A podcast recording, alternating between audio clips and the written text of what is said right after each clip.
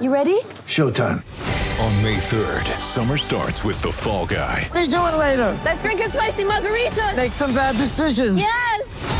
Audiences are falling in love with the most entertaining film of the year. Fall guy. Fall guy. Fall guy. That's what the poster said. See Ryan Gosling and Emily Blunt in the movie critics say exists to make you happy. Trying to make it out? Nope. Because I don't either. It's not what I'm into right now. What are you into? Talking. Yeah. The Fall Guy. Only in theaters May 3rd. Rated PG-13. Get ready for the greatest roast of all time the Roast of Tom Brady, a Netflix live event happening May 5th. Hosted by Kevin Hart, the seven time world champion gets his cleats held to the fire by famous friends and frenemies on an unforgettable night where everything is fair game. Tune in on May 5th at 5 p.m. Pacific time for the Roast of Tom Brady, live only on Netflix. De stroom. Ready.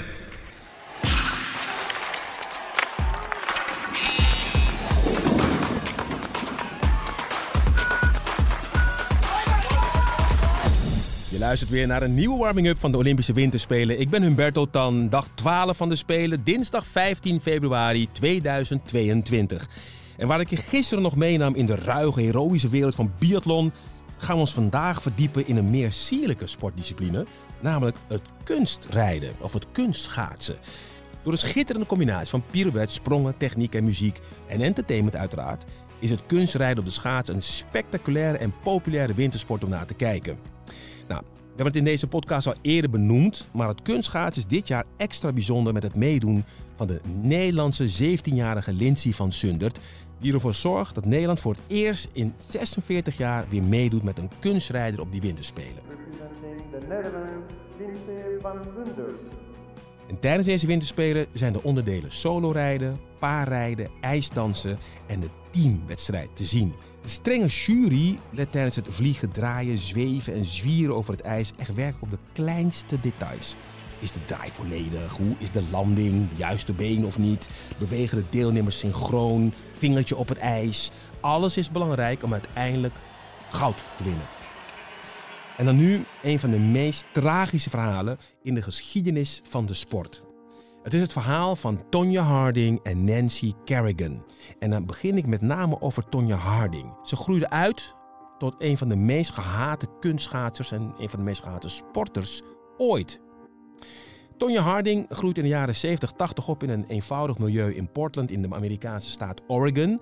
Haar vader is vaak afwezig, de moeder van Tonya is arm en ze schraapt haar laatste centen maandelijks bij elkaar voor de dure schaatslessen van haar getalenteerde dochter. Dat talent van Tonya valt direct op als ze al drie is en ze voor het eerst schaatsen ondergebonden krijgt bij een klein schaatsbaantje in een Amerikaans winkelcentrum. Ze schaatst dan al de sterren van de hemel. Mensen staan echt te kijken. Maar die moeder, dat is echt een verhaal apart. Dat kon je heel goed zien in de film I, Tonya uit 2017. Die moeder drinkt veel, is agressief, voert psychologische druk uit op haar dochter. Want het geluk van Tonja's moeder is mede afhankelijk van de prestaties van haar dochter. Als haar schaatsprestaties teleurstellend zijn en haar moeder heeft gedronken, krijgt Tonja gewoon klappen. Tonja wordt ouder, blijft ondanks dat milieu waarin ze opgroeit gewoon goed doorschaatsen. Niet alleen haar prestaties op het ijs vallen op, maar ook haar verschijning is apart of anders dan gebruikelijk in die wereld. Die wereld is wat stijf, wat formeel, wat kakkerig zou je kunnen zeggen. Maar Tonja komt in felle, zelfgeknutselde pakjes, heeft een permanent en ze staat ook nog eens langs de ijsbaan sigaretjes te roken.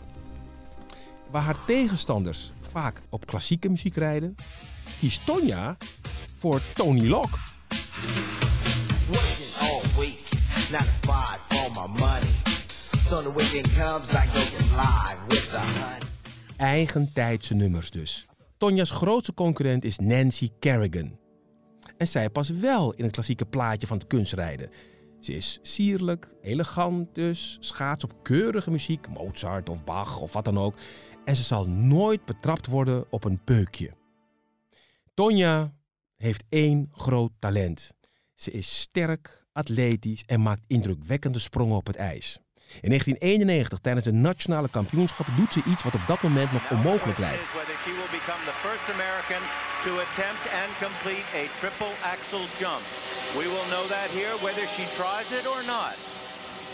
Als eerste Amerikaanse vrouw springt ze de sprong der sprongen op het ijs. De driedubbele axel.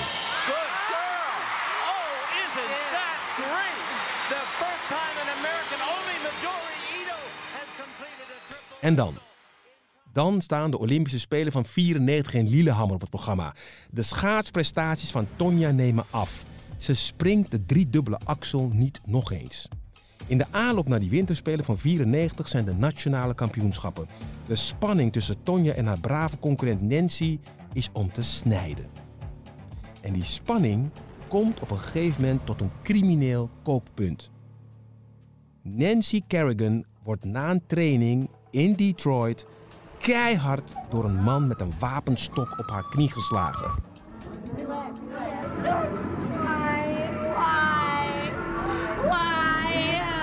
Shane Stent heet die man.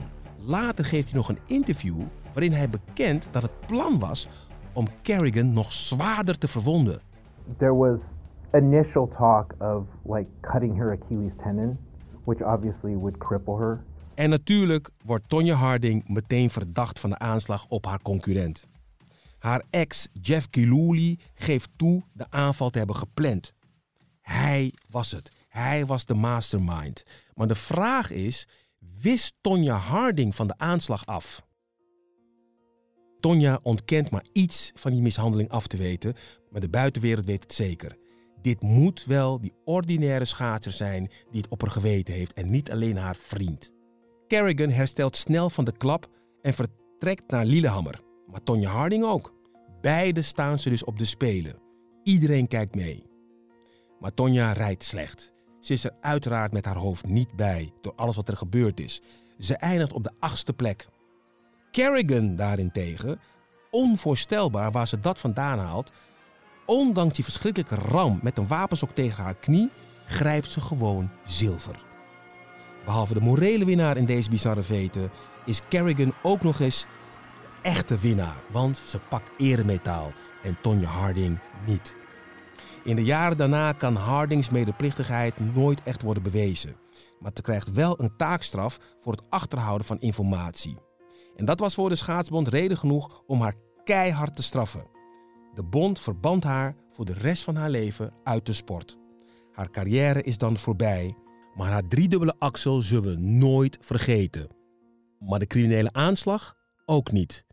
Dat is het verhaal van Tonya Harding en Nancy Kerrigan. Ready.